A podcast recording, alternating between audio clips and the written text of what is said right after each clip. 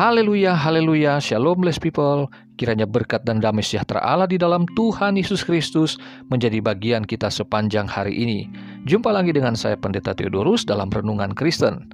Hari ini kita akan membahas tentang Kerajaan Allah ada di antara kamu, terambil dari Injil Lukas 17 ayat 20 dan 21. Begini firman Tuhan. Atas pertanyaan orang-orang Farisi, apabila kerajaan Allah akan datang, Yesus menjawab, katanya, Kerajaan Allah datang tanpa tanda-tanda lahiriah. Juga orang tidak dapat mengatakan, Lihat, ia ada di sini atau ia ada di sana. Sebab sesungguhnya kerajaan Allah ada di antara kamu. Blessed people, di sini Yesus menjawab pertanyaan orang-orang Farisi soal datangnya kerajaan Allah karena adanya perbedaan di kalangan orang Yahudi mengenai hal itu. Mereka berpikir bahwa kerajaan Allah itu pemerintahan politik dan militer seperti pada era kejayaan Daud.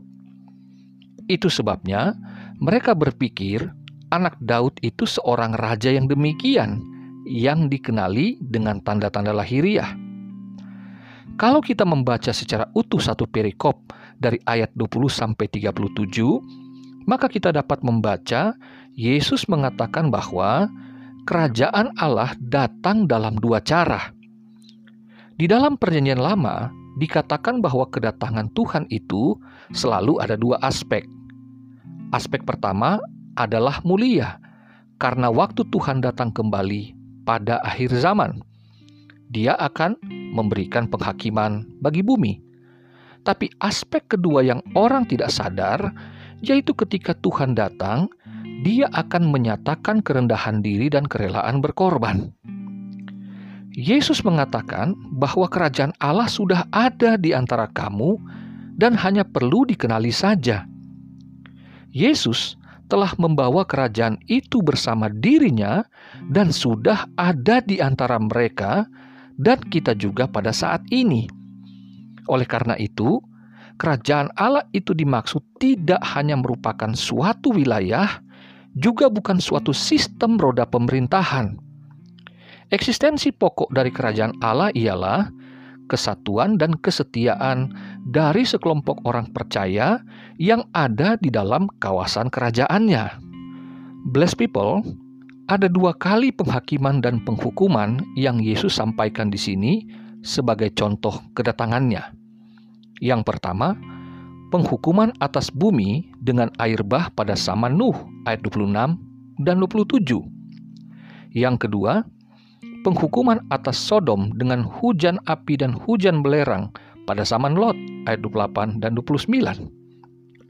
Penghukuman itu terjadi karena manusia tidak mau mendengarkan firman Tuhan yang telah memberikan peringatan Sebelum jatuhnya penghukuman, manusia masih diberi kesempatan untuk bertobat, tetapi mereka menolaknya. Namun, apabila Anak Manusia, yaitu Kristus, datang pada kali yang kedua, maka tidak ada lagi kesempatan karena pemisahan yang terjadi, baik yang dibawa maupun yang tertinggal tidak dapat dipersatukan kembali di ayat 30 sampai 37. Pesan Yesus di sini jelas bagi kita semua. Yang pertama, Dialah raja atas kerajaan Allah, yaitu jemaatnya, imamat yang rajani, bangsa yang kudus, umat pilihan Allah, Israel yang baru. Ayat 21. Yang kedua, kehadirannya di antara kita tidak dengan tanda-tanda lahiriah yang spektakuler.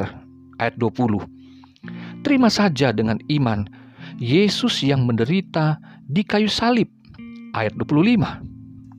Yang ketiga, kedatangannya pada kali yang kedua tidak akan kita ketahui tempat dan waktunya, tetapi akan terlihat oleh semua orang dan tidak terbatas pada satu tempat tertentu. Ayat 22 sampai 24. Yang keempat, berwaspadalah jangan berfokus pada hidup duniawi yang dapat membinasakan. Ayat 27 sampai 33. Tetapi berfokuslah kepada Yesus dan kebenarannya di dalam kita menjalani hari-hari di dunia ini. Kiranya saudara dapat memahami bahwa Kristus adalah kerajaan Allah yang sudah datang. Izinkanlah dia memerintah kita sebagai raja dan kita sebagai hambanya. Dan mari fokus kepada firman-Nya dan tuntunan roh untuk meninggalkan semua sifat kedagingan, keinginan daging kita, keinginan duniawi kita, tetapi hiduplah menurut tuntunan roh kudus dan kita akan melihat firman Allah yang hidup akan membawa kita kepada kemenangan akhir di mana ketika Kristus datang kali yang kedua, dia akan mendapati kita umat yang akan dibawa bersama-sama dengan dia untuk masuk ke dalam kerajaannya yang kekal dan mulia itu. Sampai jumpa lagi. Tuhan Yesus memberkatimu. Dia mengasihimu. Haleluya, bless people.